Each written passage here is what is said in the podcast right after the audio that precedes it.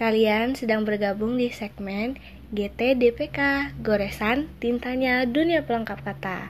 Selamat mendengarkan ya. Menyayangi orang lain adalah sebuah kutukan bagi Wulandari. Gadis muda berusia 22 tahun yang hobinya bikin onar di lokasi syuting. Seperti kejadian kali ini, Waktu syuting sinetron kejar tayang yang lagi naik daun di kalangan anak muda hingga orang tua itu harus terjeda karena kehebohan dari ruang tunggu si pemeran utama. Yang tidak lain dan tidak bukan Wulandari. Keluar! Trek Wulandari senyaring mungkin. Bahkan urat-urat di lehernya sampai menonjol keluar saking hebohnya dia berteriak. Lo budek ha? Atau nggak paham bahasa manusia? Kali ini Wulandari menggebrak meja riasnya hingga membuat beberapa alat make up yang ada di meja ikut terpental. Si biang kerok yang memicu emosi Wulandari itu justru tertawa melihat bagaimana reaksi yang ditunjukkan sesuai dengan hayalannya. Gacha. Bagi sutradara, kru, dan pemain lainnya, kelakuan Wulandari yang begini sangat jauh dari kata profesional. Kalau aja bukan karena kehadiran Wulandari yang bikin sinetron mereka naik daun, tentu membacklist nama Wulandari menjadi opsi pertama dalam pikiran mereka. Bang Hanung, gue minta maaf banget. Kayaknya syuting bulan hari ini di cancel dulu ya. Anaknya udah ngamut buat acting lagi. Gak bisa gitu dong, Dre. Ini udah keseringan banget. Masa jadwal syuting kita mesti diundur terus?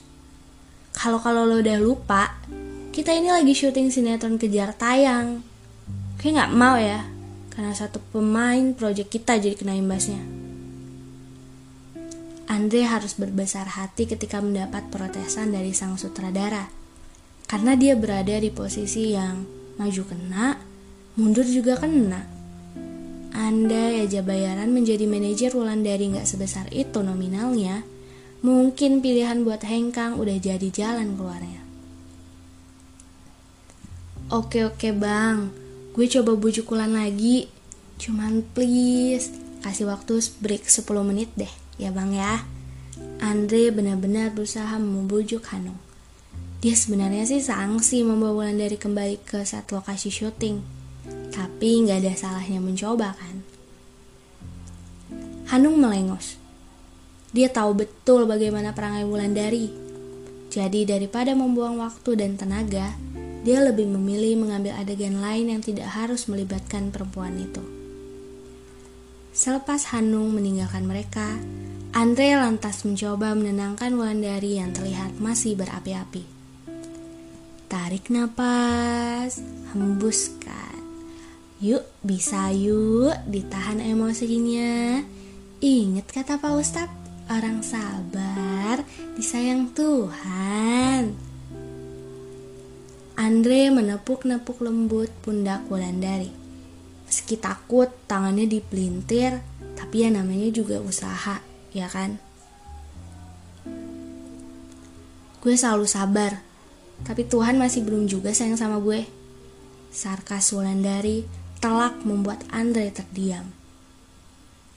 Karena tak ingin hening berkepanjangan, Andre lebih memilih mengurus eksistensi manusia lain di ruangan ini manusia yang membawa malapetaka bagi Andre dalam menjalani hari-harinya sebagai manajer mak lampir alias Wulandari. Lo ini sebenarnya siapa sih? Ada keperluan apa sama Wulandari? Ini udah hari ketiga keluhan busuk lo itu bikin jadwal syuting kita jadi kacau. Saya pacarnya Nari. Andre terengah-engah saking takjubnya. Oh, ayolah. Andre tahu betul jika Wandari sedang dalam fase memulihkan hatinya setelah ditinggal sang kekasih. Dan pria yang ada di hadapannya sekarang jelas mengada-ngada. Andre bisa jamin 100%. Ya Tuhan, apa mengurus mak lampir saja tidak cukup? Kenapa kau tambah lagi dengan manusia goblok ini? Racau Andre. Lo bisa diem gak Andre? Bentak Wulandari. Gadis itu sudah jengah dengan kelakuan si biang kerok. Eh malah ditambah pula dengan Andre. Kalau saja ini di komik, sudah pasti di atas kepalanya telah mengeluarkan asap. Eh Bang Sul, sejak kapan kita pacaran? Sejak lima tahun lalu. Wulandari menendang kaki si Piang Kerok, membuatnya mengadu kesakitan. Oh, gila lo ya? Lo yang gila, tunjuk Wulandari. Andre yang sedari tadi hanya menyaksikan pertengkaran keduanya, hanya menghala napas panjang. Sebagai orang paling waras, mau tak mau Andre berakhir sebagai penengah. Stop! Gue butuh penjelasan dari kalian. Penjelasan yang sejelas-jelasnya supaya gue ngerti kenapa gue bisa terjebak di situasi konyol begini. Si biang kerok tersenyum simpul, membuat Wulandari yang melihatnya makin emosi. Tapi dengan mengais-ngais sisa kewarasan yang ada, Wulandari berusaha menceritakan semuanya kepada Andre tanpa terkecuali. Nari kan? Wulandari mengenyitkan dahinya. Dia mencoba mengingat wajah pria yang ada di hadapannya Nihil, Wulandari tidak tahu siapa pria itu. Lo kenal gue? Ini aku, pacar kamu, Nari. Hah? Tolong, halunya dikurangin dulu. Kita nggak saling kenal, oke? Okay? Wulandari memilih meninggalkan pria itu di pelataran minimarket. Namun, baru beberapa langkah, pria tersebut kembali bicara dan membuat Wulandari terdiam. Gak ada yang pernah manggil kamu dengan sebutan Nari kecuali aku. Wulandari berbalik dan menatap tajam pria tersebut. Ada? Teman sekolah gue? Mereka manggil gue Nari? Itu kan karena aku awalnya. Kamu ingat, di sekolah yang punya nama Wulandari ada banyak. Jadi, biar beda aku bikin nama panggilan itu. Pria itu berjalan mendekati Wulandari. Setelah jarak mereka hanya terpaut lima langkah lagi, dia kembali bicara. Aku langit, pacar kamu. Cangkir kopi yang ada di tangan Wulandari terjatuh. Dia bahkan belum meneguk kopi kemasan dari minimarket itu, dan kini Wulandari cuma bisa menatap sedih tumpahan kopi tersebut. Gue gak kenal loh, putus Wulandari. Dia berbalik pergi menuju mobilnya yang terparkir. dari Adestia, golongan darah B, senang minum kopi kalau lagi bad mood, punya alergi kacang, dan paling takut sama selangga. Ucap pria yang menyebut dirinya sebagai langit. Dari tertawa sembari membuka pintu mobilnya. Tapi sebelum dia masuk, dari membalas ucapan langit. Lo rupanya salah satu fans fanatik gue. Thanks. Gue cukup tersanjung dengan semua info barusan yang pastinya lo dapat dari internet. Langit mengepalkan jari-jarinya dan kembali menghampiri Wulandari. Wulandari yang merasa takut, lantas dengan cepat masuk ke dalam mobil dan mengunci dari dalam. Buka, kita perlu bicara. Langit menggedor kaca mobil Wulandari. Wajahnya terlihat menunjukkan ekspresi serius. Wulandari semakin takut. Dia berusaha mengemudikan mobilnya. Namun langit sudah menghalang. Dengan tremor, Wulandari pun berusaha menghubungi Andre. Tapi sialnya, ponsel itu justru kehabisan baterai. Sialan. Please, kita perlu bicara. Langit terlihat memohon. Wulandari memalingkan wajah. Entah ada dorongan dari mana, Wulandari akhirnya menyetujui pemerintahan tersebut. Sesekali nyenengin fans nggak apa-apa deh, hitung-hitung amal jariah menolak Wulandari dalam hati. Jadi lo mau ngomong apa sama gue? Tanya Wulandari dari dalam mobil. Ya, dia memutuskan untuk tetap berada di dalam mobil agar lebih aman dan membiarkan kaca pintu terbuka sedikit sebagai akses mereka mengobrol. Aku beneran langit, pacar kamu, dari zaman sekolah. Gak usah ngadi-ngadi, langit udah mati dari sebulan lalu. Desis Wulandari. Langit mengacak rambutnya. Dia bingung bagaimana cara menjelaskannya agar Wulandari percaya. Kamu yang pertama kali ngajakin aku pacaran. Tepat jam istirahat, di belakang sekolahan dengan hadiah sapu tangan. Wulandari sedikit kaget dengan ucapan langit. Tapi dia bukan orang bodoh yang gampang percaya. Kencan pertama kita ke pasar malam. Waktu itu kita kejebak di komedi putar. Kamu bahkan cium aku di sana untuk pertama kali. Gue nggak tahu lo dapet info ini dari mana. Tapi gue akui lo cukup jago dalam stalking hidup orang. Langit menggelengkan kepalanya. Tidak setuju dengan ucapan Wulandari. Aku beneran langit, pacar kamu. Aku tahu semua hal tentang kamu mulai dari merek odol sampai body lotion yang bisa kamu pakai. Bahkan aku tahu kamu punya kotak musik hadiah dariku yang selalu kamu dengerin sebelum tidur kan?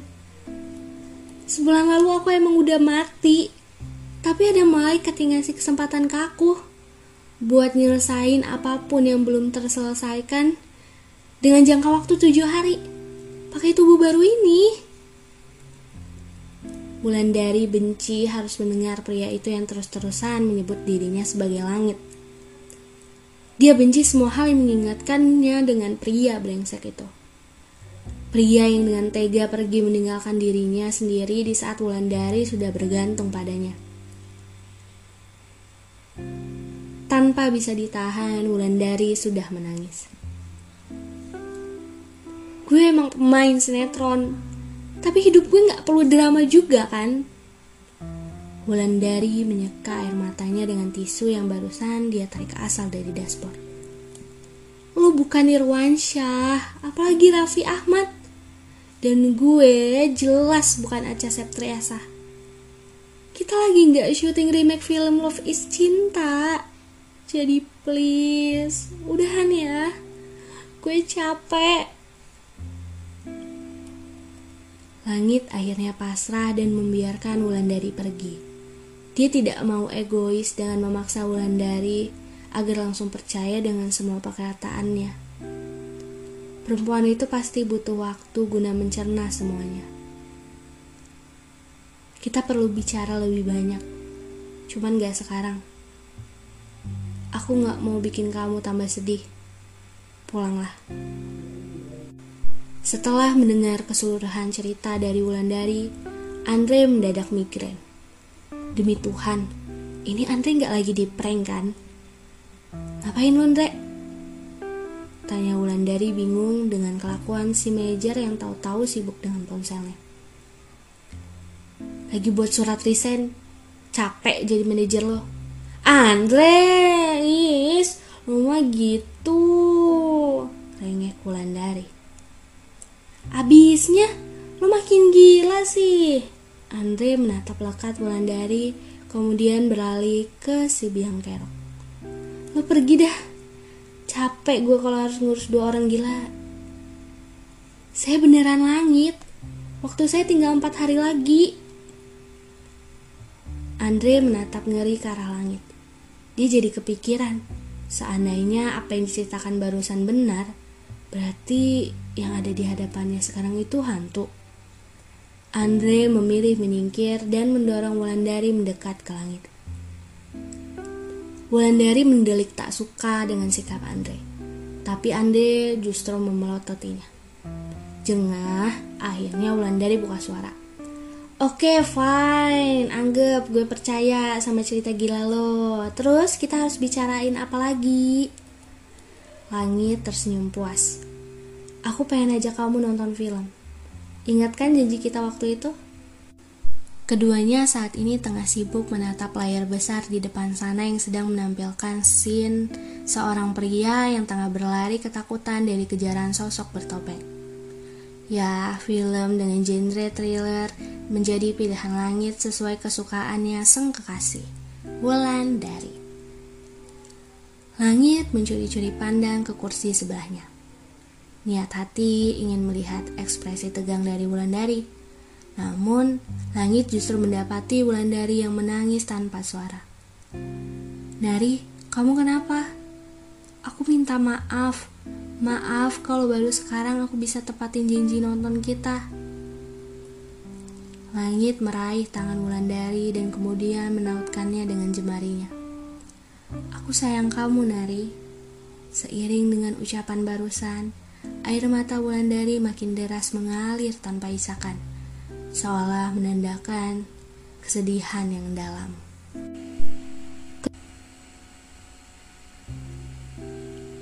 Setelah kegiatan menonton, wajah Wulandari terlihat makin murung.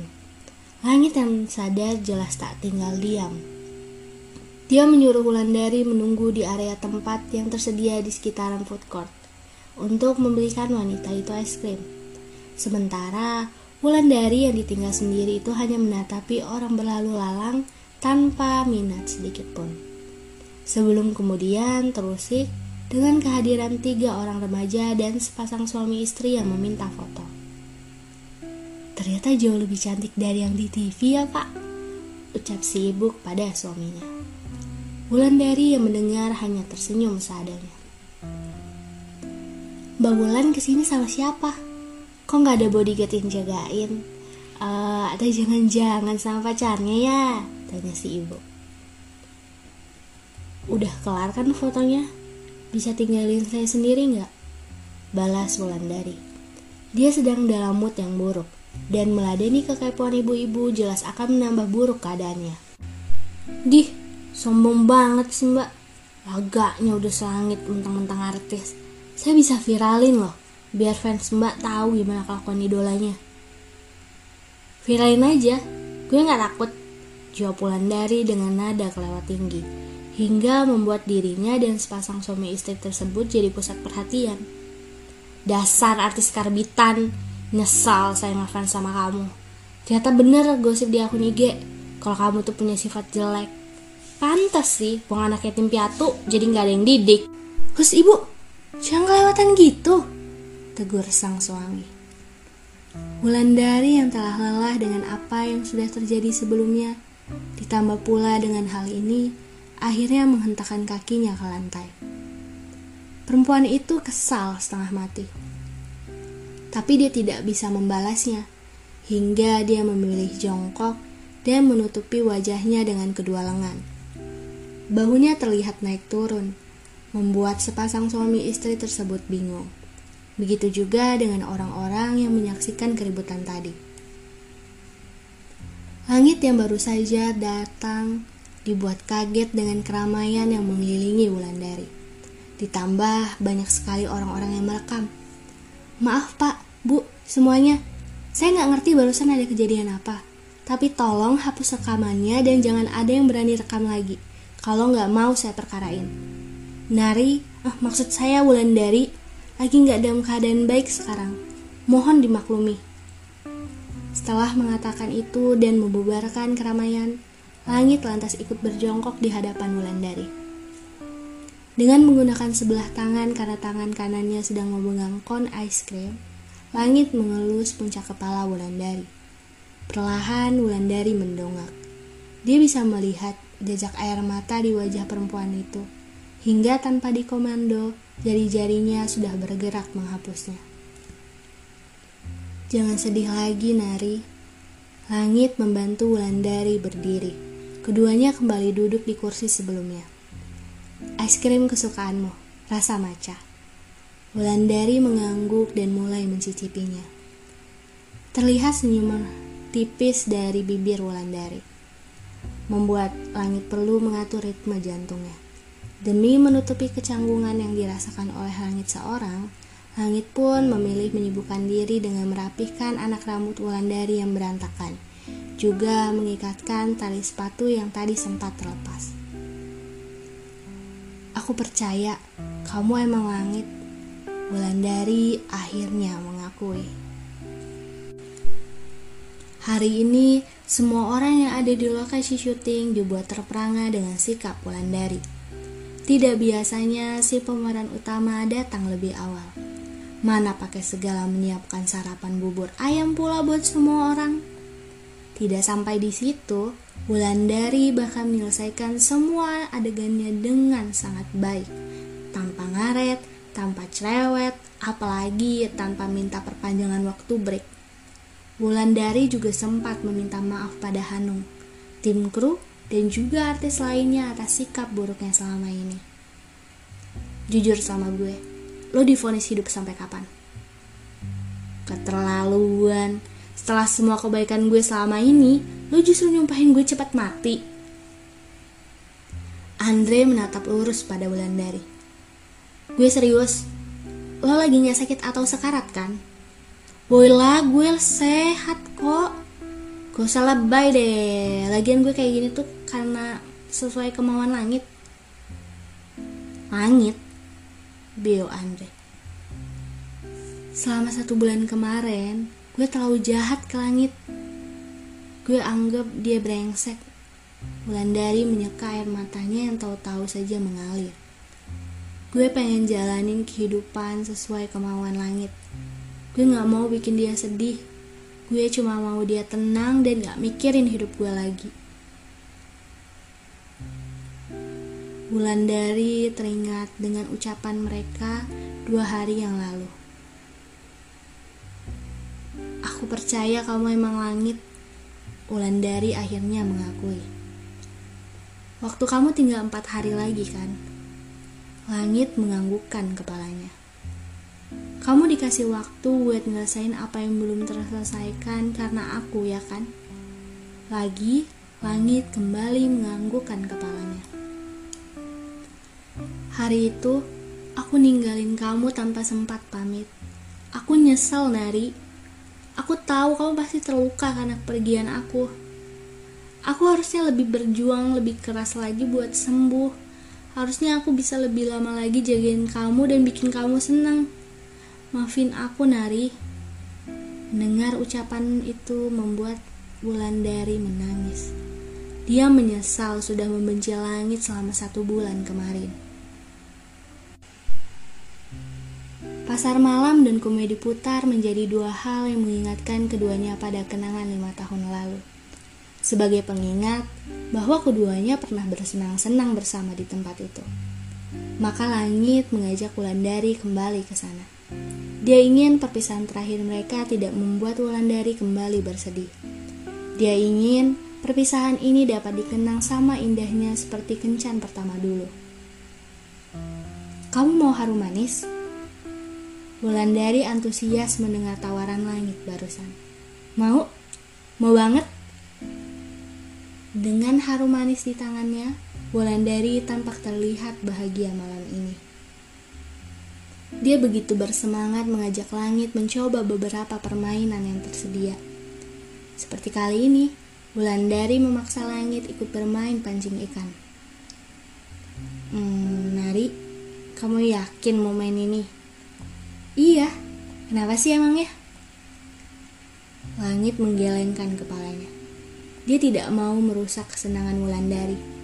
Jadi dia membiarkan dirinya ikut bermain pancing ikan meski permainan ini hanya dipenuhi anak-anak yang ditemani para orang tuanya. Ah, atau tepatnya memanglah permainan khusus anak-anak. Mengingat hanya mereka lah satu-satunya orang dewasa yang ikut bermain. Langit menatap wajah Wulandari dari samping. Ritme jantungnya kembali berdetak tidak normal. Terlebih hari ini perempuan itu banyak tersenyum. Tanpa terasa waktu bergerak cepat. Langit harus mengakhiri pertemuan mereka. Seperti janjinya, hanya tujuh hari, tidak lebih. Wulandari yang mengerti lantas mengajak langit menaiki wahana permainan terakhir mereka. Komedi putar. Keduanya duduk berhadapan. Langit tersenyum sembari menatap kedua mata Wulandari. Komedi putar yang mereka naiki mulai naik ke atas, seiring dengan sangkar di bawah mereka yang pelan-pelan terisi. Nari, ini akan jadi pertemuan terakhir kita. Langit sulit mengatakannya, tapi dia tahu bahwa dia telah sampai pada tujuannya. Menyayangi orang lain bukan sebuah kutukan, Nari. Kamu harus percaya itu. Wulandari menyeka air matanya dan menganggukkan kepala. Iya. Semua orang yang ada di hidup kita bukan hadir untuk selamanya. Mereka punya waktunya masing-masing buat pergi. Kamu gak bisa terus-terusan menahan diri buat gak menyayangi mereka hanya karena kamu takut ditinggalin. Ayah, bunda, dan aku pengen lihat kamu senang. Meski kami gak ada lagi menemani kamu, bukan berarti kesenangan kamu juga harus ikut hilang, Nari. Langit membawa tangan kanan Wulandari ke pangkuannya. Lalu dia membentuk pola-pola tak beraturan di telapak tangan perempuan itu. Jalan hidup kita dimulai dari serangkaian kejadian yang gak beraturan, yang awalnya kita anggap gak punya arti. Tapi setelah semuanya berlalu, kita baru sadar kalau ternyata semua itu selayaknya kepingan puzzle yang semestinya kita susun untuk kita pahami artinya. Aku mau setelah ini kamu mulai menyusun puzzle itu. Supaya kamu tahu kalau Tuhan sayang sama kamu. Iya, aku akan coba. Wulandari melepaskan tautan jemarinya dan kemudian mencoba berdiri dengan berpegangan pada sela-sela besi sangkar. Begitu posisi berdirinya cukup stabil, Wulandari mendongakkan kepalanya. Netranya langsung menghunus pada langit malam di atas sana. Langit, aku janji gak akan buat owner lagi di lokasi syuting. Aku janji gak akan nyusahin nanti juga. Aku janji mulai sekarang kalau sedia secukupnya aja. Dan akan selalu senang. Aku akan jalanin hidup aku seperti yang kamu arahin selama ini. Aku mencintaimu langit Selalu. Terima kasih sudah buat aku senang selama ini. Benar katamu, Tuhan pasti sayang aku.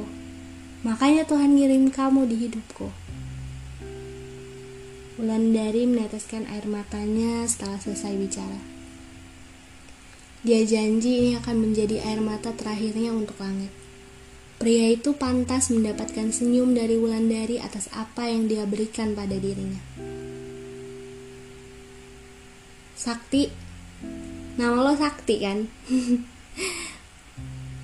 Wulandari terkekeh setelah melihat pria yang ada di hadapannya ini terkejut. Acting lo, hmm, oke okay juga. Udah cocok lah kalau mau ikut casting atau jadi lawan main gue di sinetron. Maksudnya? Lo kira lo bisa bohongin artis keren kayak gue? Wulandari mengedipkan sebelah matanya. Lalu tersenyum jahil. Dari awal ketemu juga, gue udah ngerasa kalau itu cuma ngaku-ngaku. Tapi makasih ya. Makasih udah mau jadi malaikat yang dikirim langit buat nyadarin gue. Makasih udah mau repot-repot bikin gue senang. Langit jadi pasien paling beruntung karena punya dokter kayak lo. Sakti yang sudah ketahuan lantas mengeluarkan tangannya ke hadapan Wulandari. Wulandari yang mengerti langsung menjabat tangan tersebut. Sorry, gue kira lo gak akan tahu. Rupanya susah juga ya acting di depan artis kayak lo. Sebenarnya kalau aja di hari kita nonton lo gak teledor dengan nitipin tas lo ke gue karena mau ke toilet, Mungkin sampai sekarang gue bakal percaya kalau itu beneran langit. Beruntung jiwa kepo gue udah mendarah daging. Jadi gue dengan lancang ngitipin isi tas lo dan nemuin buku catatan punya langit. Berikut permintaannya juga. Ah, jadi karena itu lo nangis pas nonton? Tebak sakti. Iya, bahkan tadinya gue mau bongkar kebusukan lo di hari itu juga.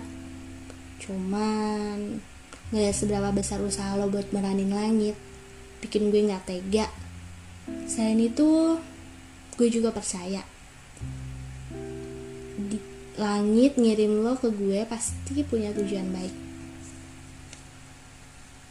gue benar-benar minta maaf lo tau kan gue nggak ada maksud buat bikin lo sedih gue hanya menjalankan janji ke langit meski gue tahu caranya salah